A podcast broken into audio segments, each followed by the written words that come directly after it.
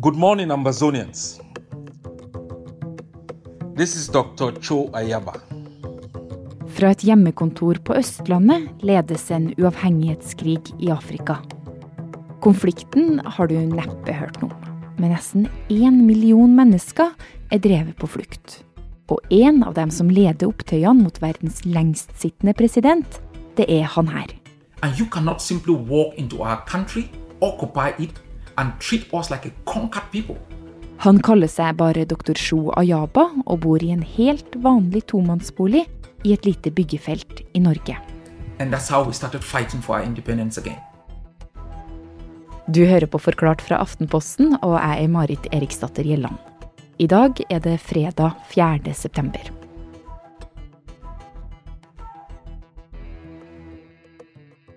So if Sweden suddenly invades Norway, it changes a lot because the Swedish system is not set to reflect the Norwegian reality. Eh, Han du hører her, det er en familiefar som bor i hop med familien sin i et eh, lite boligfelt en plass på Østlandet. Vegard Kjørom er journalist i NRK, men jobba tidligere i Aftenposten.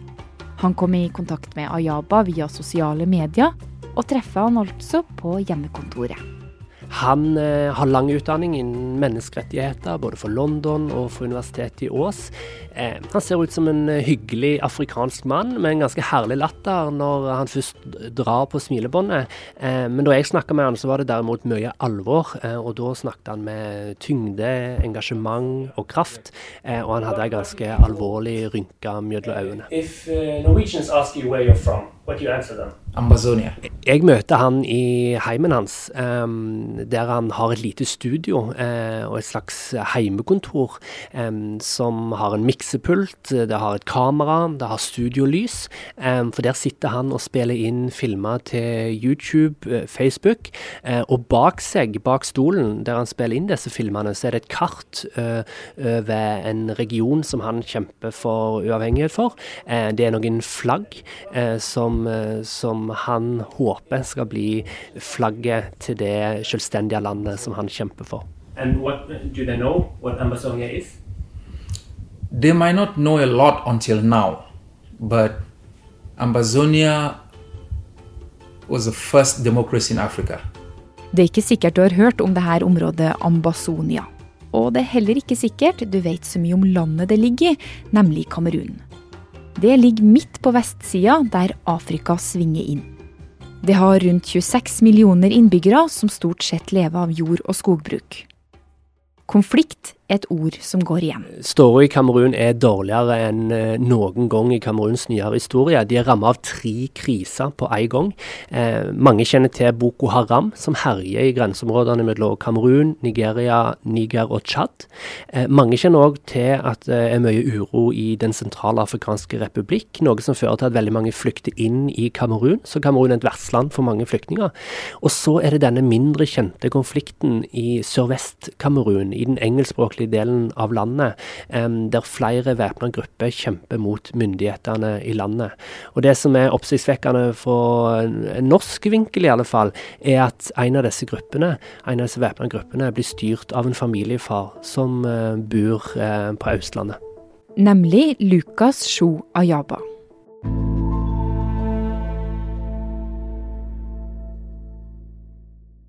The governor takes to the podium praising Cameroon's government. Then this. Panic. as Nyhetene som improvised- kommer fra Vest-Kamerun, har ikke vært gode det siste året. Nothing is quite what it seems in Cameroon. This is the separatist area, Ambazonia they call it. This banana plantation in southwest Cameroon used to be a thriving business. Not anymore. Last August, it was attacked by armed men from a group known as the Ambazonia Freedom Fighters. De vitner om den blodige konflikten i den engelskspråklige delen av landet, som kaller seg Ambazonia. Det er veldig vanskelig å få oversikt over hele den konflikten som pågår i Vest-Kamerun um, for tida. For å være helt ærlig så tror jeg ikke de involverte heller har den fulle oversikt over det som skjer. Det er flere væpna grupper uh, som kjemper mot kamerunske myndigheter. Eh, det er det store bildet. Noen av disse gruppene er det som vi vil kalle kriminelle. Uh, de driver med raiding, kidnapping og kriminelle handlinger. Um, de forsøker å skaffe seg penger gjennom kidnapping, f.eks. Eh, andre eh, grupper har mer, en mer ideologisk eh, forankring og eh, motivasjon. Eh, de eh, er gjerne styrt av folk i diasporaen, altså folk som bor i andre land, og som, som styrer dette opprøret utenfra. Um, og de ønsker uavhengighet. De ønsker at denne engelskspråklige delen av Kamerun, som de kaller for Ambazonia, skal bli uavhengig fra resten av Kamerun. Uh, og om de får til det, så mener de at de kan skape økonomisk utvikling og få bukt med korrupsjon. De har ganske store visjoner og drømmer for dette landet uh, som de ønsker seg. For å forstå det her, så må vi ganske langt tilbake i tid helt til første verdenskrig. Kamerun var lenge en tysk koloni. Eh, så tapte Tyskland første verdenskrig, og da ble Kamerun delt i to mellom Storbritannia og Frankrike. Så kom 60-tallet, og kolonimaktene trakk seg ut. Og den britiske og franske delen av Kamerun slo seg sammen til ett land. Så for fire år siden så endra Kamerun eh, en del av politikken sin overfor disse her områdene. Da eh, innførte de eh, dommere som snakket fransk, sånn at det er fransk i rettssalen. Det fører gjerne til at mange mener at de dommene som blir felt, er urettferdige overfor den engelskspråklige regionen. Mange av eksamenene ble holdt på fransk, noe som gjør at studentene i den engelskspråklige regionen ikke får god nok utdanning, mener mange av lærerne. Og dette var bare eh, siste del av en lang prosess der folka i denne engelskspråklige delen føler seg diskriminerte. Det har vært dårligere økonomisk utvikling i denne delen av landet enn resten av Kamerun. Eh, og dette førte til at de nasjonalistiske gruppene som finnes, eh, fikk eh, mer støtte, og denne konflikten har blussa opp. Eh, og nå ønsker de uavhengighet ifra Kamerun. De ønsker seg tilbake til det landet de mente de hadde før eh, Kamerun ble selvstendig på 1960-tallet, og de ønsker uavhengighet for. They refuse us a university. They destroy our own legal system. We, all our administrators became French. Certain of our traditional institutions were dismantled and replaced with institutions that were loyal to the French. It was an act of brutal colonization, and all those who rose up were killed. Og han her, doktor Sjo, som du har møtt, Vegard, hva er egentlig hans rolle oppi alt det her, da? Han er leder både for um, en eksilregjering, um, men òg for ei væpna gruppe som, som um, kriger i, i, disse områdene. Så han driver både en politisk og ideologisk kamp, men òg en væpna kamp mot kamerunske myndigheter. Konflikten har kosta liv. 3000 mennesker er drept, og 900 000 er drevet på flukt. Det er flere grupper som kjemper, men Ayaba sier at gruppa han leder, ikke dreper sivile. Do you attack civilians in Ambazonia? Your uh, absolutely not. We do not attack civilians. I cannot say some forces don't attack civilians, they do. But we have established a code of conduct that reflects the spirit of the Geneva Conventions. Altså I krig så Det første som forsvinner, er jo sannheten. Så hvem kan du stole på når de kommer med påstander? Kan du stole mer på kamerunske myndigheter, eh, som på mange måter er et diktatur? Eh, presidenten i Kamerun har vært president i over 30 år. Han er en av de mest lengstsittende presidentene i verden. Og jeg får òg mye kritikk for å være veldig autoritær. Kan vi stole mer på han og det som de sier? Um, det er vanskelig å stole på noen i en sånn konflikt, spesielt når det er så mangel på nøytrale journalister på bakken. Det er ikke mangel på videoer og bilder, men hva som motiverer de som sender ut disse videoene og bildene, og hva informasjon som følger med det, det kan vi ikke verifisere godt nok. Og Vegard, altså, han er doktor Sjo, han driver jo denne uavhengighetskampen fra hjemmet sitt her i Norge. Hva syns norske myndigheter om det, da? Norske myndigheter har ikke uttalt seg veldig tydelig om, om akkurat hans rolle. De sier de er bekymra for situasjonen i Kamerun. Um, og Det er vel uh, i hovedsak det de, de, sier offentlig. Så vet vi jo at de har fått mye brev og, om denne dr. Cho. Han sier selv at han vet at uh, han blir fulgt med på av bl.a. PST. Um, og uh, Det er kanskje òg naturlig når det kommer såpass krasse beskyldninger mot han.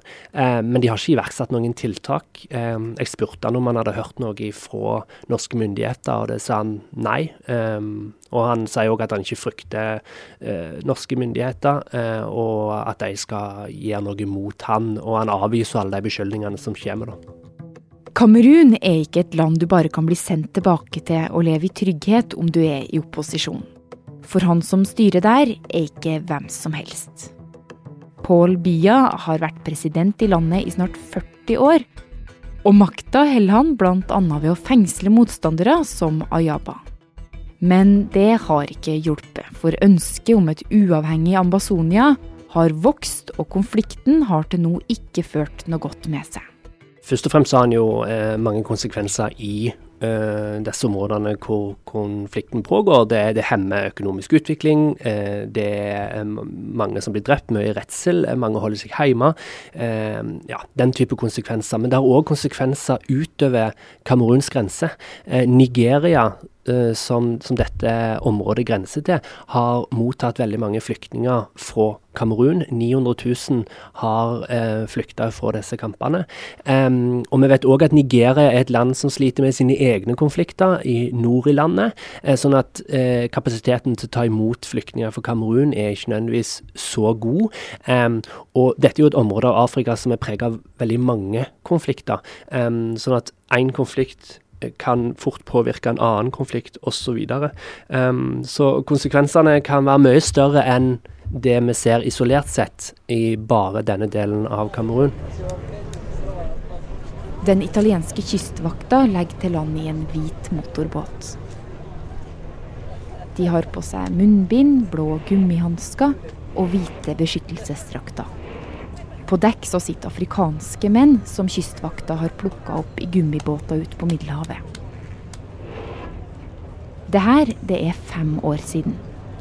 Mange av de som kom til Europa i det som blir kalt flyktningkrisa, kom ikke fra Syria, men fra Afrika og områdene rundt Kamerun. Det er mange konflikter i denne delen av Afrika, Sentral- og Vest-Afrika. Dette er land hvor landegrensene er stort sett streka på kart, og hvor folk flytter seg fra land til land. Flere land har konflikter internt i landet, men de er òg vertskap for mange flyktninger. Dette påvirker økonomien, eh, og eh, det påvirker framtidshåpet. Og det vi ser er at veldig mange fra disse landene flykter nordover, mot Middelhavet og senere mot Europa.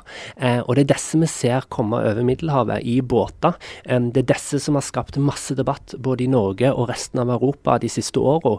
Eh, og i Norge og Europa så finner vi ofte løsninger som handler om Sør-Europa med hvordan kan vi stoppe disse båtene fra å legge i land.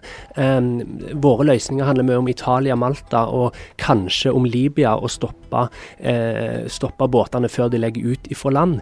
Men vi må òg skjønne mer av hvorfor flykter disse menneskene.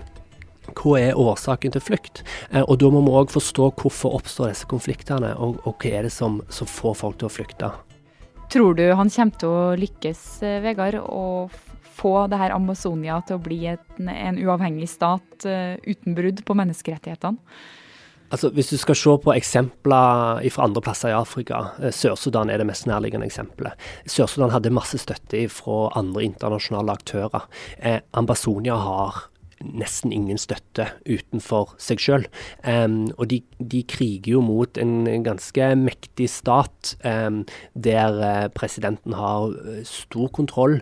Um, så mangelen på støtte utenfra, uh, og, og det at verden har gått videre siden 1960, eh, når, når, de mente at de var en egen stat, og fram til i dag.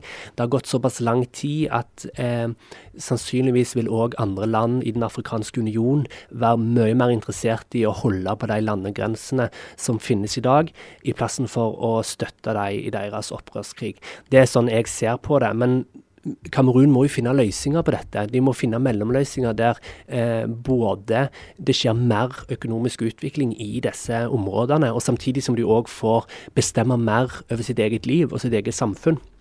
Så det finnes nok mellomløsninger. Det er gjort forsøk nå på, på fredsforhandlinger. Eh, så gjenstår det å se om de kan føre til en endring. Eh, det er nok den mest sannsynlige løsninga, tror jeg.